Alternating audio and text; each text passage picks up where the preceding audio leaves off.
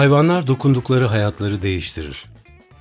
Uzun bir yolculuksa hayat en keyifli, en değerli anlarıdır bu yolun onlarla kesiştiği an. Daha sık gülümsetir, daha çok düşündürür insanı onlar. Bu kadar büyük bir sevgiyle karşılaşmak insanı daha bir insan yapar. Sorumlu hayvan sahipliği, bakımı üstlenilen hayvanların hayatları boyunca ihtiyaçlarının karşılanarak iyi bir yaşam geçirmelerinin sağlanmasıdır. Hayvan sahibi olma kararı ciddiye alınması gereken uzun soluklu bir taahhütü de beraberinde getirir. Sevince düşünür ya insan. Siz hiç gerçekten düşündünüz mü? Açlık ve susuzluktan uzak, sağlıklı, mutlu, korunaklı bir şekilde yaşamaları son derece önemlidir. Hayvanların bu temel özgürlük hakları tüm insanlarca korunmalıdır. İnanıyorum ki sorumlu hayvan sahipleriyle hayvanlar için daha iyi bir dünya yaratmak mümkündür. Ve dünyanın daha iyi bir yer olmaya ihtiyacı vardır. Efendim merhabalar. Royal Canin'in sunduğu Yeni Haller'in yeni bölümüne hoş geldiniz. Ben Özgür Mumcu. Ben Eray Özer. Bu bölüme Ahmet Mümtaz Taylan'ın sesiyle başladık. Çünkü kendisi şu aralar Blue TV'de izleyebileceğiniz Bunu Bir Düşünün isimli mini dizi projesinde başrolde. Beğendiniz mi efendim Eray Bey bu diziyi? Evet evet Blue TV'de denk gelmiştim. Daha sonra Royal Canin'le bu projeye giriştiğimiz zaman geri kalan bölümleri de izledim. Onur Ünlü yönetmiş zaten. Onur Ünlü hem arkadaşımız hem de sevdiğimiz bir yönetmen. 9-13 dakikalık bölümlerden oluşan toplamda 85 dakika civarı sürüyormuş bölüm toplamı dizinin. Ben toplamadım tabii alt alta hepsini bölümlerin ama tanınmış oyuncular var. Pınar Deniz, Kubilay Aka, ondan sonra Erkan Tunç kaleme almış. Ahmet Mümtaz Taylan da dizide Ahmet Kenan Bey'e oynuyor. Ahmet Kenan Bey bir danışmanlık hizmeti veriyor. Bu ünlü oyuncuların geneli de Ahmet Kenan Bey'e danışmanlık hizmeti almak için geliyorlar ve işte hayvanlarıyla olan çeşitli dertlerini, ilişkilerini vesaireyi anlatıyorlar. Ahmet Kenan Bey de onlara çeşitli tavsiyeler, bir tür yarı terapatik bir seans gibi insan hayvan ilişkilerinin ve o hayvanlarla yaşadıkları çeşitli problemlerin, sorunların vesairenin çözümünü bulmaya çalışıyorlar. Sorumlu hayvan sahipliği vurgusu çok fazla var. Niye? Çünkü en basit tabirle söyleyecek olursak bakamayacağınız hayvanı sahiplenmeyin efendim gibi bir durum var. Royal Canin de bu mottaya bir destek vermek amacıyla böyle bir proje hazırlamış. Blue TV'den isteyenler bunu bir düşünün dizisini izleyebilirler efendim. Biz de bu vesileyle dedik ki insan hayvan ilişkisine, hayvanları nasıl evcilleştirdik, ne zaman evcilleştirdik tarihte, niçin böyle bir ihtiyaç içerisine girdik bunları konuşalım dedik. Özgür Bey normalde siz yaparsınız bu kısmı ama ben azıcık sizden rol çalmış gibi girdim bölüme. Topu o yüzden hemen size iade edeyim efendim. Değil mi Özgür Bey bunları konuşalım diye yapıyoruz değil mi bu bölümü? Evet şimdi rolleri değişmiş olduk. Ben de hazırlıksız yakalandım biraz ama elimden geldiğince bir girizgah yapayım. Bir defa tuhaf bir durumla karşı karşıya olduğumuz açık. Yani dışarıdan bakıldığı zaman hani dünyayı, medeniyeti bilmeyen biri bir bakacak. Bir takım memeliler olan bizler bir başka memelileri, başka tür hayvanları zapturapt altına almışız ya da onlarla beraber yaşıyoruz. Tuhaf bir görüntü var. Geçen bu konudaki bir yabancı bir podcast'i dinlerken orada denk geldim. Güzel de söylüyordu. Yani bir uzaylı gelse bizim ata bindiğimizi görse hani bir memeli bir başka memelinin üzerine binerek bir yere gidiyor. Buna biz çok alışmışız hakikaten. Ya da işte evlerimizde çeşitli hayvanlar besliyoruz. Garip gelebilirdi hakikaten dışarıdan bakıldığında fakat bu çok eski bir süreç. Ve şunu da söyleyenler var ve haklı olma ihtimalleri çok yüksek. Eğer diyorlar ki insanlar hayvanları evcilleştirmeyi ya da ehlileştirmeyi öğrenmemiş olsalardı bugün dünyada insan nüfusu belki 1-2 milyonla sabitlenmiş şekilde kalırdı. Çünkü beslenmemizden tutun avlanmamıza, seyahat etmemize kadar bütün medeniyeti biz ilk etapta hayvanların üzerine kuruyoruz gibi geliyor bana ve avcı toplayıcı dönemden itibaren başlıyor bu evcilleştirme meselesi. İlk başta köpeklerle e, anladığım kadarıyla. Yani ilk evcilleştirdiğimiz hayvan köpek gibi gözüküyor. Sen başka bir şey rastladın mı Merak?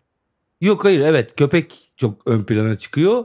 Şöyle enteresan tabii yani çok somut veriler yok. Özgür de ben de bu bölüme çalışırken fark ettik ki eldeki veriler çok tatmin edici değil ama bilim dünyası bu konuda kısıtlı yani yapacakları bir şey yok. İşte bir takım genetik çalışmalar yapıyorlar ki son yıllardaki ilerlemeler özellikle son 20 hadi 30 diyelim yılda bu konuda çok fazla gelişme göstermiş. Yeni teoriler ortaya çıkmış ama hiçbir şey çok kesin değil. Yani tahminlerle gidiyoruz.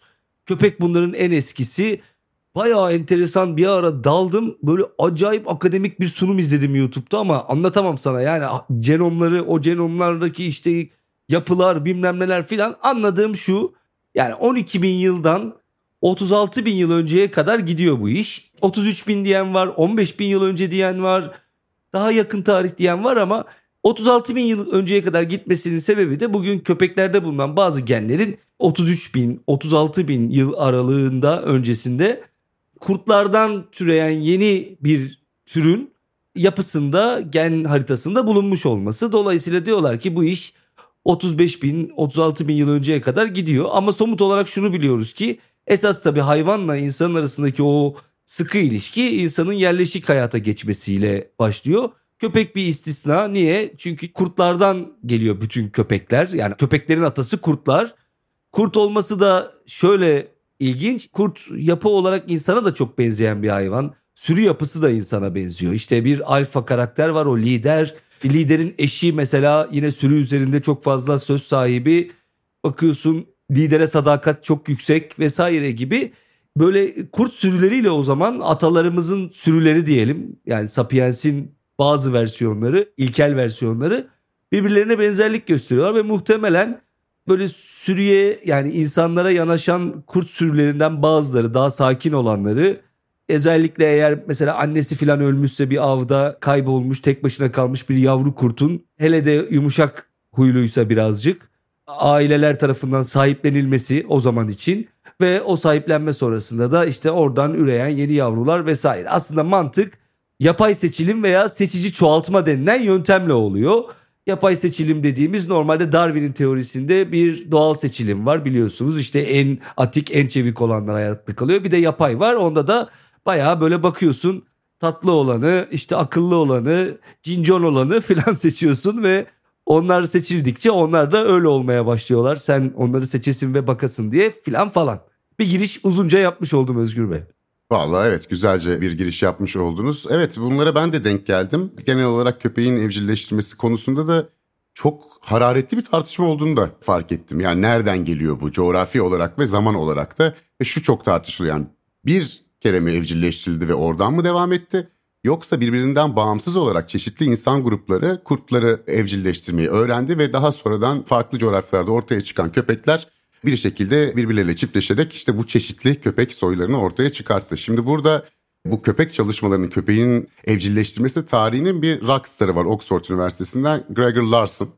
O çok ön planda The Big Dog Project diye bir projesi var. Diğer birçok e, araştırmacının aksine e, hali hazırda günümüzdeki köpeklerin genleri üzerine çalışmıyor Larson ve ekibi. Onlar eski zamanlardaki köpek fosilleri ve kurt fosilleri üzerinden işin kökenini bulmaya çalışıyorlar ve onun teorisine göre iki ayrı yerde köpekler ilk evcilleştirilmiş. Bunlara Batı Avrasya ve Doğu Avrasya hatları diyor ve zaman içerisinde Doğu Avrasya'dan daha çok işte Orta Asya'da, Çin'de vesairede evcilleşmiş olan köpekler bronz çağı ile beraber insanlarla birlikte göç ediyorlar Mezopotamya bölgesine doğru ve orada Batı Avrasya köpekleriyle karşılaşıyorlar. Tabii bu Larson'un iddiası günümüzde Doğu Avrasya genlerinin %90'a yakın olduğunu, Batı Avrasya köpeklerinin ise %10'a kadar düştüğünü ileri sürüyor. Fakat Bob Wayne var Kaliforniya Üniversitesi'nde. O da diyor ki 18.800 ile 32.100 yıl aralığında evcilleşti ve Avrupa'ya da Batı Sibirya'da tek kaynaktan geldiğini iddia ediyor. Efendim başka biri daha var. Royal Institute of Technology'den Peter Savoleninen Kendisi ise en zengin genetik çeşitliliğin köpeklerde Çin'de olduğunu, 33 bin yıl önce orada evcilleştiğini, 18 bin yıl önce oradan bir grubun ayrıldığını ileri sürüyor. Bunu çok arttırabiliriz yani onu diyen var bunu diyen var falan. Sebebi de şu galiba köpek genomunun değişim hızını bilmiyoruz. Yani ne kadar hızlı şekilde e, mutasyona uğradı işte o hale geldi. Mutasyon hızını ölçerken de her ekibin ölçekleri aynı değil. O sebeple de çok aralarında ciddi farklarda olduğunu görebiliyoruz. Bir de köpekler o kadar zamandır var ve o kadar çok gen çeşitliği var ki bu Larson köpeklerin gen havuzları için homojen bir çorba gibi diyor. Yani oraya girerek köklerini bulmamız çok zor diyerek fosiller üzerine araştırma yapmışlar. Ve en eski köpek fosili 33 bin sene öncesinden Belçika'da bulunuyor. Fakat günümüzün modern köpekleriyle aynı değil. Fakat kurt da değil. Şey tartışılıyor. Yani bu başarısız bir evcilleştirme dönemi miydi? Hani bunun soyu devam etmedi mi? O henüz bilinemiyor. Bir kısmı diyor ki bu ara bir türdü ortadan kayboldu falan. Henüz elimizde başka da bir veri olmadığı için bilemiyoruz. Bir de bir mağara resminde Fransa'da 1994 senesinde keşfedilen bir mağarada ortaya çıkıyor ki mağaranın bir bölgesinde yaklaşık olarak o da milattan önce 30 bin gibi olması lazım. Bir çocuk ayak iziyle bir köpek ayak izi yan yana görülüyor. Yani eğer o bir kurt değilse ve çocuğu yemediyse e, o zaman mağarada köpeklerle insanların en azından beraber yaşadığını da görebiliyoruz. Eskiden çünkü 14 binler 15 bin yıllar zannedilirken 30 bin yıl öncesine kadar da gidebildiği tahmin ediliyor. Benim de e, okuduklarımdan çıkarttığım bu. Bu arada şunu söyleyeceğim. Gerçekten konuya dair yapılabilecek en bilimsel açıklamayı referanslarıyla yaptınız. Ben şöyle bir hisse kapıldım. Artık bu anonstan sonra hiç kediye medyaya girmeyip Özgür'ün bu son konuşmasından sonra programı kapatalım diye. Yani gerçekten uluslararası bir köpek e, ne derler evcilleştirme seminerinde sunulabilecek seviyede bir bilimsellikte bir konuşma oldu Özgür Bey. Tebrik ediyorum. Ben daha böyle geyik geyik işte onların kulakları küçülmüş bizim yüzümüzden. Yok işte kafaları küçülmüş çok tatlış kalmışlar falan filan gibi anlatacaktım. Siz konuya bütün gen haritalarından girerek beni birazcık bozdunuz. Yok yok oraya da geleceğiz. Yani bu evcilleştirme sendromu dediğimiz ve Darwin'in de çok dikkatini çeken bir şey var. Hatta oraya gelelim bence. Çünkü şunu görüyoruz değil mi? Yani kurtların kulakları sivri, köpeklerin kulakları sarkık. İşte burunlar küçülüyor, kafatasları küçülüyor. Daha sevimli hale geliyorlar aslında bir anlamda ve bu birçok hayvan için bunu görebiliyoruz. Birçok hayvan evcilleştiği zaman daha yumuşak karakterli yüz hatlarına, vücut hatlarına erişiyor ve değiştiriyoruz da fiziken yıllar içerisinde. Ama tabii bunun işlemediği birçok durumda var. Yani kulakları sarkık bir tavuk görmüyoruz ama tavuk da ehlileştirilmiş, evcilleştirilmiş bir hayvan neticede. Yani genel geçer bir kural değil. Tavuk da büyümüş Özgür Bey. Yani evcilleşince enteresan. Genelde çünkü hayvanların beyine çok ihtiyacı kalmıyor. Beyin küçülüyor. İnsanda bile bir dönem belli bir küçülme olduğu söyleniyor. Avcı toplayıcılıktan tarım toplumuna geçtiği sırada insan beyninde de bir küçülme yaşanmış. Tavuklarda büyüyor. Hacim büyüyor. Daha büyük hayvanlar haline geliyorlar. İnekler, sığırlar küçülüyor. Koyunlar mesela en dıştaki o sert kılları varmış. Doğada daha dayanıklı olmak için. Onlar dökülüyor. İçteki o yumuşak yünlü kıllar kalıyor. O yüzden de biz artık yününden, sütünden, etinden, yününden derler ya faydalanmaya başlıyor insan evladı. Genelde dediğim gibi refleksler azalıyor. Daha çok tatlı oldukları neoteni dedikleri yani gençlik dönemlerindeki, ergenlik dönemlerindeki hallerine benziyorlar. Köpekte şey var, kafatası çok küçülüyor mesela. Enteresan ergenlikteki kafatasıyla bile bugün bile yetişkin bir köpeğin kafatası arasında belirgin bir fark var. Yani vücuda oranı çok fazla azalıyor kafatasının. Dediğim gibi yani insana bağımlı hale geldikçe ne yazık ki mi denir artık onlar açısından beyne ihtiyaç, büyük keskin reflekslere ihtiyaç bir noktada azalıyor. E, hepsi aslında belli bir mantığa sahip. Çünkü niye? Sen daha böyle tatlı olanı seçiyorsun. Normalde mesela Grey Wolf Bozkurt'tan geliyor ataları ama arada siyah olanlar çıkmaya başlıyor. Köpeklerdeki bu arada değişim inanılmaz hızlı. Yani düşünebiliyor musun yani Çov Çov'la Kangal'ın mesela aynı atadan geldiğine kim inanır? Ama öyle değil yani. Milattan sonra birinci yüzyılda Çin'de mesela o Pekinez küçücük köpekler var ya onlar varmış çizimlerden anlıyoruz. Dolayısıyla bu neoteni denen yani hayvanın sevimli o ergenlik halinde kalma hali, morfolojik olarak kalma hali çoğu hayvanda yaşanıyor. Yaşanmayan da var. Kediler vallahi taş gibi biraz küçülmüşler ama kulaklar aynı, kuyruk aynı. Olduğu gibi kalmışlar, durmuşlar. Değişiyor yani. Atlarda söylediğin bir istisnası var. Atlar e, ilk başta midilli gibi ufak hayvanlarmış. Yani bilmesi falan da zormuş. Tabii hep irileri bir araya getirerek en bugünkü ata benzeyecek şekilde aralarındaki en kuvvetlileri aralarında çiftleştirerek vesaire bugünkü atlar ortaya çıkmış. Yani ilk başta daha ufak tefek belki de daha sevimli bir hayvandı. Hani şu anda atlar sevimsiz anlamında söylemiyorum. At sevenler alınmasın. Ben de çok sevimli buluyorum atları. E, tavuklar da bu kadar yumurta vermiyormuş bu arada. Daha hızlı koşan atletik bir arkadaşmış mesela tavuk dediğimizde. Bu arada bütün hayvanlar da evcilleştirilemiyor. Biz avcı toplayıcıyken köpekleri evcilleştirdik. Bu arada avda çok yardımcı oluyorlar. Bugün hala bir belgeselde izledim. Dünyanın çeşitli bölgelerinde avcı toplayıcılıkla yaşayan çeşitli kabileler mevcut. Bir tane Amerikalı niyeyse onlarla ava çıkmış. Ama görmen lazım şey böyle antropolog falan da değil. Olsun man cool falan diye konuşan bir adam. O avcı toplayıcıların arasında ava çıkıyor niyeyse. YouTube'da çok garip şeyler var arkadaşlar. Avlayacaklar abi haberi yok diyorsun yani. Ya abinin dünyadan haberi yok ama bir şekilde onları bulmuş. Gerçekten ava yani köpekleri var yanlarında ve ava köpeklerle beraber çıkıyorlar. Bir şeye saldıracaklarsa yani köpek insan hep beraber böyle saldırıyorlar. O zaman görüyorsun ki Hakikaten bunlar çok eskiden beri bizimle beraber bu arkadaşlar. Fakat tarım toplumuna geçtikten sonra asıl neyi avlıyoruz? Koyunun eski halini, vahşisini, ineğini vesaire avlıyoruz. E bir süre sonra avla avla nereye kadar? Tarıma da geçtik. Evimiz barkımız da var. E bir çit çevirelim bunlar belki durur avcılıkla uğraşmayız gözümüzün önünde olsunlar diyerek uzun bir süreç sonucunda tarım toplumundan sonra aslen biz hayvanların önemli bir kısmını evcilleştiriyoruz ama hepsini de evcilleştiremiyoruz. Yani mesela işte zebra duruyor orada ata çok benziyor eşeğe benziyor. Yiyorsa bin zebranın sırtına yani. Atı veriyor senin üzerinden. Ya da koyunu hallettin, keçiyi hallettin, domuzdur, inektir çok güzel.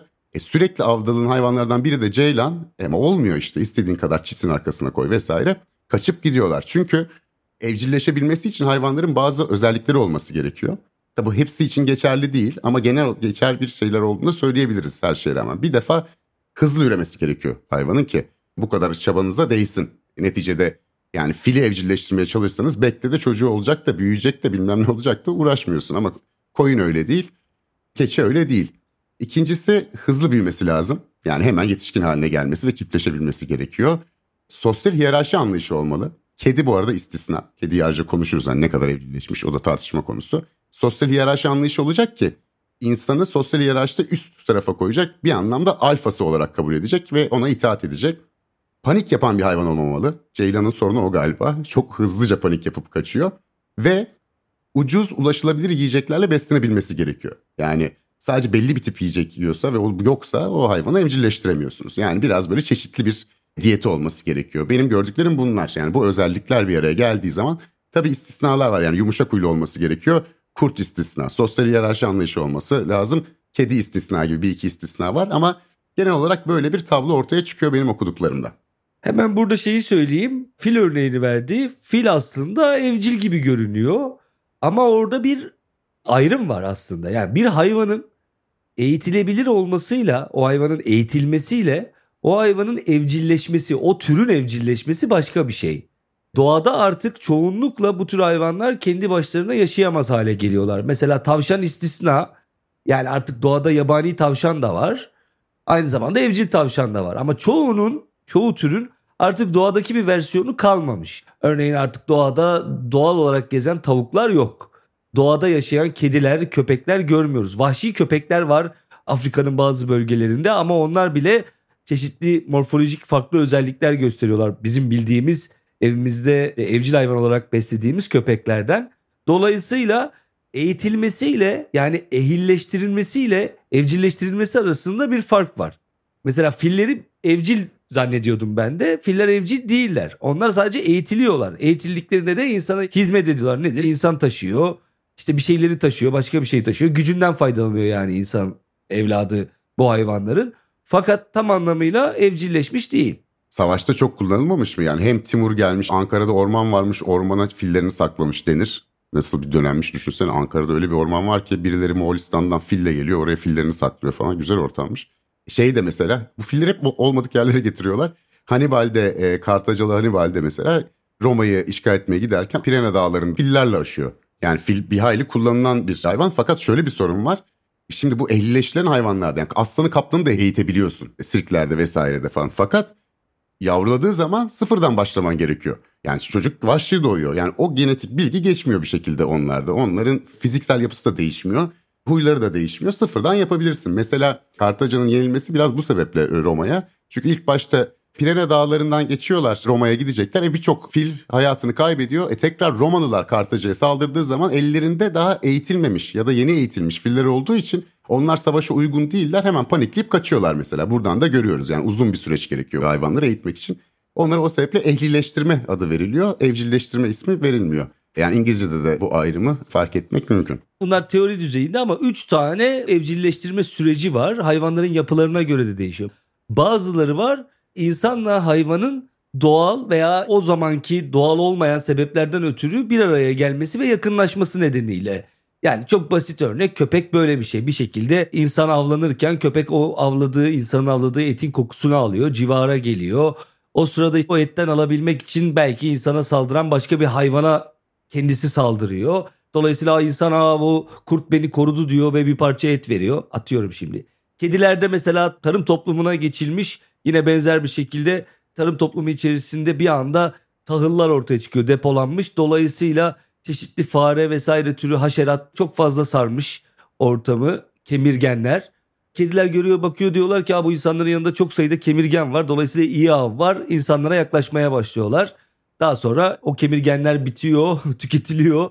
İnsanoğlu da biz kemirgenlerden kurtulduk kediler sayesinde diyor. Tavuk keza aynı şekilde yine haşeratın peşinde insan evladına yaklaşıyor. Devam edelim bir ikinci yöntem var. Normalde insanın avladığı hayvanlar bunlar. Fakat o avladığı hayvanlardan bazılarını işte yaşlı olmuş, ne bileyim ben elden ayaktan düşmüş. O sırada hamile çok hızlı hareket edemiyor. Bunları insan boyunduruğu altına alıyor öyle diyelim. Yani işte nedir keçidir, koyundur vesairedir. E, kapatıyor bir yere ve o diyor ki ben bunları yakalayayım bir yerde istifleyeyim oradan tüketeyim. Ve üçüncüsü var. Üçüncüsünde ise direkt insanın bilerek böyle peşine düştüğü ben bunu alayım ve evcilleştireyim bu bana lazım olur iyi gelir ben bunu almalıyım direkt yöntem deniyor buna. Önce zaten atlar hiç binek hayvanı ve yük hayvanı olarak kullanılmamış. Çok uzun bir süre yaklaşık bin yıl kadar etinden sütünden yine faydalanılmış atların. Bin yıl geçtikten sonra yük hayvanı olmaya başlıyor. Onu da dişlerindeki koşum izlerine aşınmalarına bakarak anlıyorlar bulunan fosillerdeki. Ancak 3000-3500'lerde yine Orta Asya'da Moğollar filan ilk atları binek hayvanı olarak kullanmaya başlıyorlar ve öyle bir yeni misyon ediniyor atlar insanların hayatında. Dolayısıyla diyeceğim o ki yani bu evcilleşme sürecinin de 3 farklı çeşidi oluyor ve buna göre farklı farklı hayvanlar farklı farklı şekillerde evcilleştirilmiş oluyorlar. Evet yani bu deve de ilginç. İki tip deve var ya çift örgüçlü, tek örgüçlü. Bu devenin de ilk çıkışı Baktriya dedikleri bugünkü işte Afganistan, Horasan bölgesi gibi olan bölgeden çıkıyor deve ve ticareti inanılmaz değiştiriyor. Birdenbire o kervanlar vesaire belki de büyük ipek yolları bilmem ne bunları hep deveye borçluyuz biraz da. Hatta o kadar çok hayatı değiştiriyor ki bazı bölgelerde tekerlekten vazgeçiliyor. Lan deve var işte yüklüyoruz mis gibi gidiyor abi kim uğraşacak tekerlek yap arabaya koy yükü alsın falan filan heybeye koyuyoruz gidiyoruz diye. Bazı bölgelerde hakikaten tekerleğin terk edildiğini görüyoruz bir dönem boyunca en azından. Yani bu kadar da değiştiriyor insanları. Bir de fiziki olarak da bizi değiştirdiğini tespit etmek mümkün ya da kimyasal olarak hayvanların. O da şöyle bir araştırma var Japonya'da yapılmış bu. Araştırma şu işte bir takım köpeklerle sahipleri göz göze birbirlerine bakıyorlar. Daha sonra köpek sahibinin idrarındaki oksitoksin yani nedir biraz magazinel olarak e, medyada aşk e, hormonu diye anılan hormonun çok yükseldiği e, tespit edilmiş. Yani köpek sahipleri köpekleriyle bir, bir süre bakıştıktan sonra vücutlarındaki aşk hormonu artıyor, oksitoksin artıyor. Bu arada şeyi düşündüm yani deneyi. Bu arada çok önemli bir deney elbette. Küçümsemek için söylemiyorum ama deneyi düşünsene. Böyle duruyorsun laboratuvarda diyorsun ki şimdi köpeğine bak. Köpeğin de sana baksın. Bakılıyor falan. İşte bir süre geçiyor neyse. Ondan sonra diyorsun ki pardon idrarınızı alabilir miyiz? İçindeki oksitoksine bakacağız. Yani köpeğe birilerine baktırıp ondan sonra kendilerinin idrar örneği aldığınızda tuhaf bir deney Japonya'da ama sonuçları çok çarpıcı gerçekten. Yani bu öyle boş bir şey değilmiş yani bilimsel olarak da ölçülüyor. Yani köpeği niye seviyorsunuz sahip olduğunuz zaman niye ona bu kadar sadakatle aslında siz de bağlısınız? Sebebi köpeklere baktığınız zaman köpeklere aşık oluyorsunuz efendim. Vücudunuzdaki oksitoksin hormonunu deli gibi arttırıyor bir köpekle uzun süre göz göze gelmek. Bu arada bir şey söyleyeceğim. Bir evcilleştirme falan deyince şu anda aklıma geldi. Benim baykuş bakmışlığım var. Baykuş da sana geri baktı mı yoksa sen hani öyle balkonda baykuşa mı bakıyordun? Camdan uzaklara doğru bakıyor muydun diyorsun. Hayır. Şöyle oldu. Çocuktum bizim mahalledeki çöpün altına girmiş hayvan yaralanmış herhalde. Yani ya bir kedi atladı bir şey oldu. O zaman vardı mahalle aralarında baykuşlar İstanbul'da. Ne kadar yaşlı olduğumuz ortaya çıktı bir kez daha diyerek ağlamaya başlıyorum. Çöpün altına girmişti. Böyle hatırlıyorum üstüne bir bez attım. Kimse de almaya korktu. Ben de o aralar demek ki korkusuz bir deli biri olandım. Üstüne bir bez attım. Yaralı olduğunu anladım. Eve getirdim bir kutunun içine koydum. Ondan sonra o sırada evde civciv bakıyorum. Benim bakmadığım bu arada hayvan yoktur yani. Tam o esnada civciv vardı evde. Hatta bir süre sonra şeyi çok iyi hatırlıyorum. Civcivi yanına koydum. Meğer normalde yermiş yani baykuş denk getirirse civciv falan. Fakat hayvan herhalde yaralı olduğu için civcive hiçbir şey yapmadı. Civciv onun koynuna sokulup geceleri orada uyuyordu böyle sıcak diye filan. Kutunun da üstünü hiç kapatmadım. Yaralı olduğu için çıkmaya meyil etmedi. İşte o zaman ne verdik hatırlamıyorum. Bir şeyler yedirdik herhalde. Pişmiş köfte falan vermişizdir. Baykuşa ne vereceğiz? Civcivden daha lezzetli şeyler verdiniz. Ortadaki civciv evlat edilmiş. evet toktu herhalde. Sonra bir sabah kalktığımızda o iyileşmiş ve uçmuştu. Biraz da sersemlemişti belki de. İşte 2-3 gün falan kaldı o kutunun içerisinde civcivle beraber. Sonra uçtu gitti yani. Kariyerimde bir baykuş evcilleştirme denemesi var. Çok başarılı olduğum söylenemez. Uçtu gitti nihayetinde. Ya aklıma da şey geldi bunları okurken. Ya düşünsene atalarımız arasında başarısız evcilleştirme sebebiyle kaç kişi kaybetmişizdir acaba? Düşünsene bakıyor bakıyor gözü kesiyor. Ya bu aslan evcilleştirilir be diyor falan mesela. Kabilenin yarısı ölüyor falan. Hani böyle kaç kişi kaybettik acaba? Yanlış hayvanı evcilleştirmek istedikleri için. Aynı şeyi düşündüm biliyor musun? Bu bizim çok sağlıklı bir zihin yapısına sahip olmadığımızı gösteriyor bence. Ama gerçekten çalışırken aynı şeyi düşündüm. Mesela şöyle oluyor gibi düşün. Yavru bir mesela şey geliyor aslan. Diyorsun ki aa ne sevimli falan alıyorsun kabileye. Daha kötüsü böyle mesela belli bir süre 6 ay falan sen onu büyütüyorsun. Ondan sonra 6 ay sonra horş diye mesela bir anda bir yerini kapıyor ve aa bu evcilleşmiyormuş diyorsun ama o sırada senin kol gitmiş misal. Öyle bir hikaye olabilir.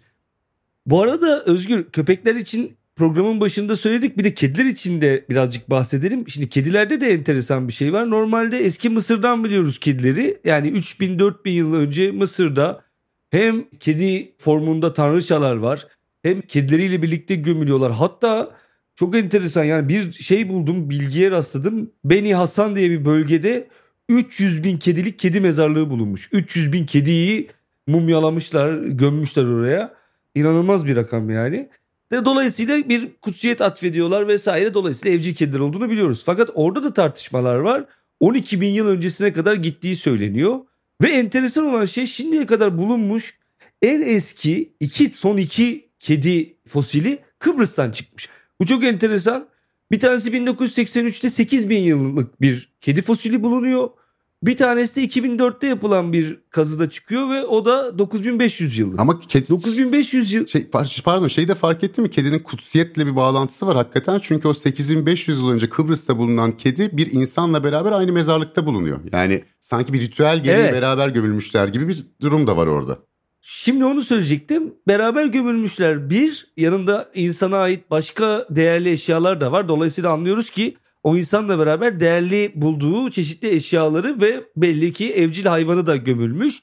Fakat o zamanki bu işte 9000-9500 yıl öncesinden bahsediyoruz. Kedinin biraz daha büyük ve Afrika kedisi diye bilinen kedilerin atası olan kediye daha çok benzediği. Ama bir başka teoride yani yine aynı şekilde ya kedi evcilleşmemiş olsa zaten Kıbrıs Adası'na nasıl gidecek diyorlar bilim insanları. Yani vahşi kediyi herhalde kafeslere koyup hadi şimdi böyle oluk oluk Kıbrıs Adası'nda yetiştirelim diye bir yaklaşım o zaman yok. Dolayısıyla o adaya 9500 yıl önce gittiyse Kuzey Afrika'dan görece biraz da olsa evcilleşmiş bazı kedilerin oraya götürüldüğü söyleniyor. Mesela yeni kıtadaki kedi popülasyonunun evcil kedi popülasyonunun Christoph Kolomb'la beraber gittiği o zaman gemilerde çok fazla kedi bulundurulurmuş. Yine gemideki fare, haşerat vesaireyle mücadele amacıyla. Dolayısıyla Kolomb'la gittiği ve Amerika'nın keşfi esnasında oradan kıtada üremeye başladığı ve çoğaldığı vesaire gibi teoriler var. Yani kedi de çok ilginç bir varlık çünkü hani bütün bu hayvanlar içerisinde görece insana bu haşerat ve kemirgen kontrolü dışında en az faydası olan yaratık diyebiliriz yani evcil hayvanlar içerisinde. Yani Tam evcil mi o da belli değil ya bu arada. Kedi o bakımdan evet yani evcil mi değil mi konusunda tartışma çok. Şöyle bir özelliği var kedinin bir de yani bütün bu hayvanların daha sonra evrilmeşmiş oldukları vahşi atalarıyla çok ciddi anatomik değişiklikler gösteriyorlar. Kedinin öyle bir durumu yok. Yani yine şeyde izledim YouTube'da böyle vahşi kedi yavrularıyla takılan bir abimiz var. Vahşi kedi yavruları bildiğin kedi yavrusu. Yani gırlamasından tut sevimlilikler yapmasına, insana sokulmasına hatta kuru mama veriyorlar. Çatır çatır kuru mamayı yemesine kadar ben onu bir normal kedi yavrusuna ayıramazdım ki hani ben de hayatım boyunca kedi baktım ettim falan hani bildi, bildiğim de bir hayvan. Büyük haline bakıyorsun e biraz daha iri biraz daha çevik biraz da o da yani doğada olduğu için yani o bakımdan diğer hayvanlardan ayrılıyor. Hem sosyal hiyerarşiyi kabul etmemesi hem de kendisinden evrildiği hayvanla hali hazırda bir hayli benzerlik taşıması sebebiyle yani kedilerde bir tuhaflık var. Ha Kıbrıs'a da nasıl gitmiştir dersen hani bu kedileri biliyoruz. Kedi kafasına koymuşsa gitmiştir. Yani o giden salın arkasına gitmiştir, bir gemiyle gidiyordur, gitmiştir. Aklı gelmiştir, suyu sevmez ama yüzmüştür. Yani kedinin önünde bir engel olamayacağını kedi bakan herkes biliyordur herhalde değil mi? Yani kedi çok zor yani şey yapılması, komut alması zor bir hayvan hatta imkansıza yakın. Ya bizim evde bir kedi var birkaç komutu biliyor. Yani işine geldiği zaman geli anladığı şeklinde benim bir en azından bir şeyim var, izlenimim var ama yani her gele gelmiyor. Bazı gellere geliyor. Kediler kafasına koyduğu yere gider dedin ya aklıma şu geldi. Bozcaada'da Pakize var. Yani ben 10 senedir 12 senedir Pakize'yi tanıyorum. Bu gittiğimde en son yine oradaydı. Pakize her sabah Bozcaada'dan feribota biniyor abi. İlk feribotla. Geyikli'ye gidiyor. Orada arkadaşları var. Şu 2-3 saat dolanıyor. Sonra feribota veriyor geri geliyor. Ama bu yıllardır aynı rutin yani hiç değişmiyor. Ne artık orada feribotçular falan da alışmışlar. Pakize günaydın günaydın giriyor Pakize feribotun içine. Hava soğuksa sıcakta bir yerde yatıyor içeride. Açıyorlar ona kapıyı. Koltuğun bir tanesinin üstüne geçiyor. Geyikli'ye gidiyor takılıyor geliyor. Bu yani ben bildiğim 12-13 15 senedir falan devam eden bir ritüel. Ve Pakize biraz yaşlanmış tabii. Hala gidip geliyormuş. Sordum adadakilere evet dediler devam yani Geyikli'ye gidiyor geliyor. Köpeklerde de var böyle enteresan hikayeler yani. Evet evet hakikaten yani beraber olması çok eğlenceli hayvanlar bir yandan da. O sebeple de zaten hani on binlerce yıldır kediyle köpekle beraber yaşıyoruz. Bence iyi de ediyoruz. Bir tane daha böyle bir evcilleştirme deneyi var. Sen de illa rastlamışsındır. Bu Rusya'da gerçekleşen tilki deneyi var. Dimitri Belveyev'in yaptığı.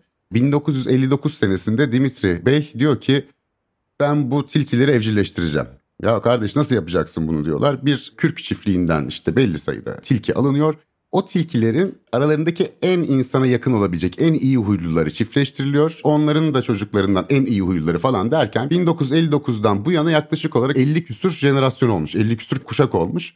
Ve tespitleri şöyle yani gerçekten onları da izledim. İnsana yakınlar, köpeğe çok benziyorlar zaten hani benzer bir aileden geliyorlar. Hani insanın kucağına geliyor kendini sevdiriyor vesaire. Tuvalet terbiyesi işini henüz çözememişler. Fakat ilginç bir durum var. Bu kadar kısa süre içerisinde dahi kulaklarının sarktığını, kuyruklarının tüylenmeye başladığını görüyoruz ve aynı zamanda da tek renkken benekli olmaya başlamışlar. Bunlar Darwin'in de bahsetmiş olduğu evcilleştirme sendromu dediğimiz sendromlar. Uzun yıllar bunun çok önemli bir örneği olarak derslerde vesairede okutulmuş fakat yeni bir gelişme ortaya çıkmış 3 sene önce. Meğer efendime söyleyeyim Dimitri Bey bu tilkileri Kanada'nın St. Edward adasında bulunan bir çiftlikten almış ve orada bir müze varmış tilki müzesi. O tilki müzesine giden tabii yıllar boyunca diye St. Edward adasındaki tilki müzesine çok fazla hayvan evcilleştirme üzerine uzman kişi gitmediği için bir gidişinde birisi 3-4 sene evvel bir uzman şeyi fark etmiş. Oradaki bazı fotoğraflarda da benzer fiziki özellikleri olan tilkiler varmış. Buradan şu anlaşılıyor. Çok büyük ihtimalle bu deneyin yanlış olduğu anlamına gelmiyor. Ancak çok büyük ihtimalle kürk üreticileri de daha iyi huylu olan tilkileri almış olabilir ve evcilleşme süreci o adada başlamış daha sonra da o deneye taşınmış olabilir şeklinde de bir yarı itiraz yarı deneyi öven bir takım yorumlar var. Yani her şeye rağmen de övüyorlar. Hakikaten de görüyorsun ama yani bu tilkileri edinmek de mümkün. Amerika Birleşik Devletleri'nde 2-3 tane tilki almış birisi. Bayağı evde mevde geziyorsun işte yani bir şeyi var e, tasmasıyla gezdiriyor. E, hayvan gayet güzel şey gibi. Yani köpek kadar yakın değil ama normal bir tilki kadar uzakta durmuyor. Yani yanında yörende kucağında durabiliyor. Bu bize şunu gösteriyor. Hakikaten bu yapay seçilimle yani e, huylarına göre burada sadece huylara göre yapılmış bir deney var. Ve huylara göre yapılmış olan bu deneyin sonucunda fiziki bazı değişiklikler de tespit edebiliyoruz. Bu da bize köpeğin evcilleştirmesi ve diğer özellikle köpeğin ancak diğer hayvanların evcilleştirmesi bakımından iyi bir rehberlik ediyor. Bu deney hala sürüyor bu arada. Yani 1959'dan bu yana en iyi huylu tilkiler bir araya gelip çiftleştirilerek evcil bir hayvan yaratılmaya çalışılıyor. Bu konuda bir kitap da var bu arada. Onu da çok tavsiye ederim. Daha sonra bültenimizde vesaire de ondan da bahsederiz kaynaklardan. Silver Fox Experiment diye gümüş tilki deneyi diye geçiyor bu deney. Benim çok uzun zamandır böyle kafayı taktığım işlerden bir tanesi bu deney. Çünkü longitudinal dedikleri bu devam eden uzun süreli deneylerden bir tanesi. Onunla ilgili de bir akademik sunum izledim şimdi merak ettiğim için. Sadece mesela iyi huyları değil ben zannediyordum ki böyle deneyim başından beri kötü huyları yeniden doğaya salıyorlar. Hayır. En agresif olanları da birbirleriyle çiftleştirip oradaki agresyon seviyesini de görmek istemişler. Bunlar yan kontrol grubu gibi yani gerçekten böyle mi çalışıyor evcilleşme süreci diye. O agresifleri görmen lazım. Yani olmuş sana şeytan dedikleri türden. Fakat tabii diğer türlüsü de yani papi dediğimiz böyle işte köpek yavrusuna dönüştüğü için insanın birazcık siniri bozuluyor. Bu arada oradan yetişen çeşitli tilkilerin dünyanın çeşitli bölgelerinde satılması çok acayip kara borsaya düşmüş büyük paralar verip o tilkilerden ev hayvanı olarak almaya çalışanlar falan böyle tuhaf tuhaf şeyler de var. Fakat tabii işte dediğim gibi en agresifle en yumuşak huylusunu yan yana gösteriyorlar. Yavru bunların ikisi de. Yani birisi gerçekten olmuş şeytan böyle gözler ferfecir okuyor seni bulduğum yerde yerim diye.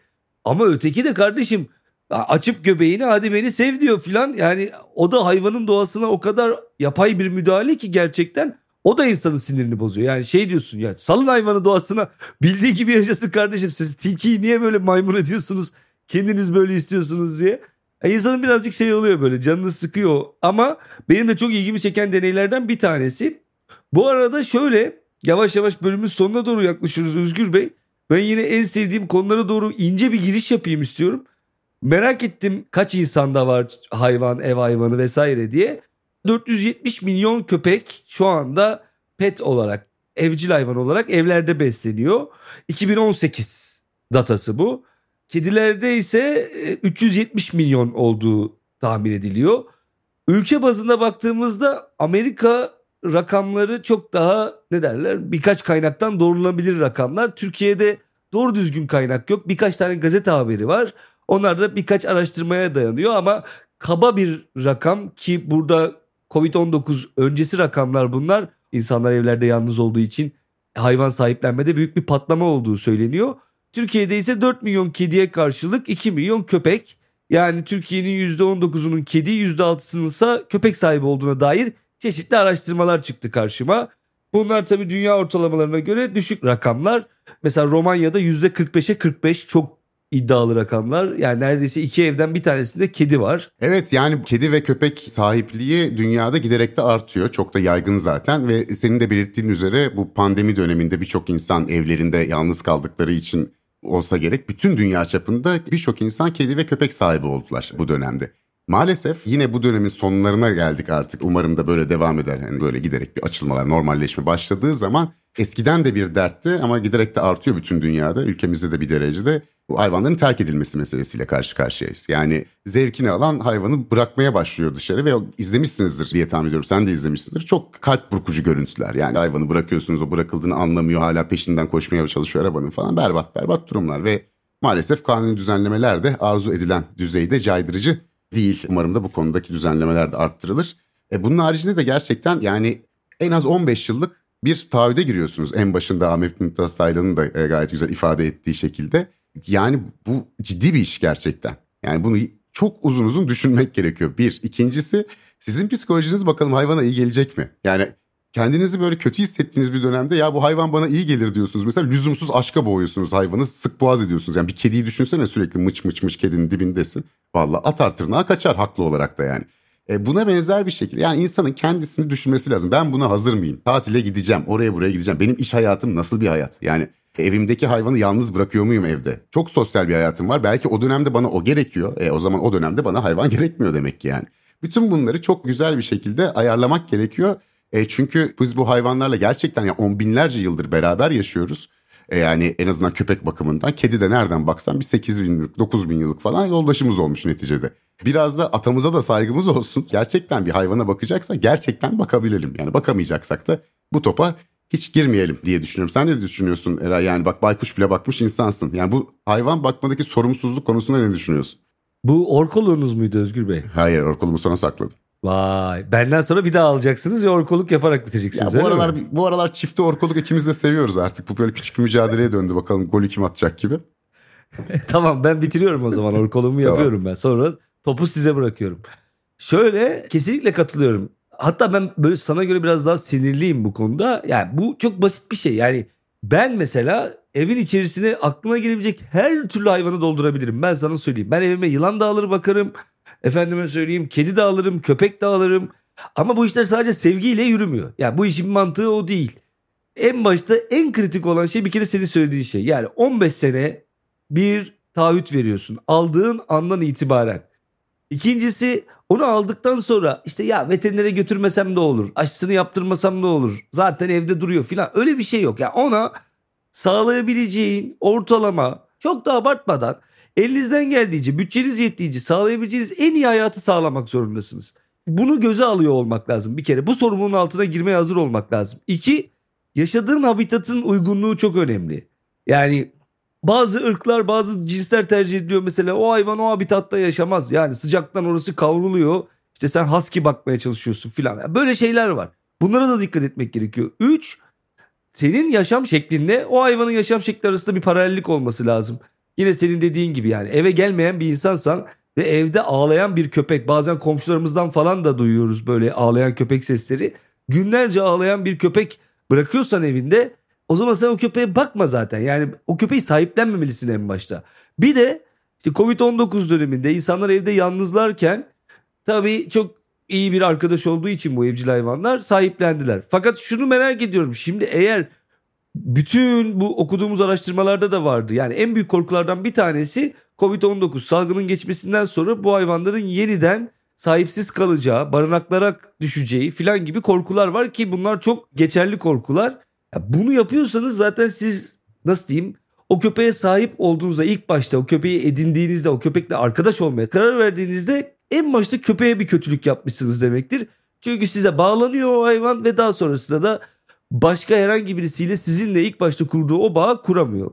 Dolayısıyla çok net ki bir köpeğe sahiplendiğiniz andan itibaren belli bir sorumluluk altına girmelisiniz ve o hayvana bakarken ya da kediye neyse evcil hayvanınıza o hayvanın ihtiyaçlarını doğru şekilde karşılayacağınızdan emin olmalısınız efendim. Görüşmek üzere kalın sağlıcakla. Vallahi harika bir orkoluk yaptın Eray ve ben de söylediğin her satırına katılıyorum. Ben madem tilkilerden bahsettik, tilki deneyi evcilleştirme meselesindeki en önemli hali hazır devam eden deney bahsetmiştik. Ama ne demişler efendim sanatçı ışığı alnında ilk hissedendir. E, Küçük Prens'in yazarı bu tilki evcilleşmesi meselesini galiba daha evvelinden görmüş. Ben de Ahmet Mümtaz Taylan beni affetsin. Oradan küçük bir metin okumak istiyorum efendim. Kimsiniz dedi Küçük Prens. Sonra da çok güzel görünüyorsunuz diye ekledi. Tilkiyim ben dedi tilki. Benimle oynar mısın dedi Küçük Prens. Çok mutsuzum.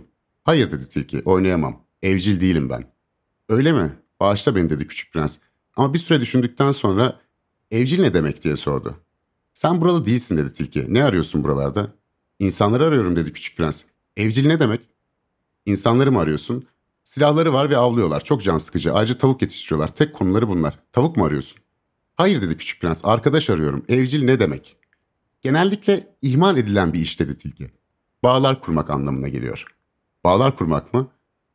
Tilki yani dedi örneğin sen benim için hala yüz bin öteki çocuk gibi herhangi bir çocuksun. Benim için gerekli de değilsin. Senin için de aynı şey. Ben de senin için yüz bin öteki tilkiden hiç farkı olmayan herhangi bir tilkiyim. Ama beni evcilleştirirsen birbirimiz için gerekli oluruz o zaman. Benim için sen dünyadaki herkesten farklı birisi olursun. Ben de senin için eşsiz benzersiz olurum. Küçük prens anlıyorum galiba dedi. Bir çiçek var. Galiba o beni evcilleştirdi. Olabilir dedi tilki. Dünyada böyle şeyler hep olur. Genellerin bu bölümünü Royal Canin sundu. Esen kalın efendim.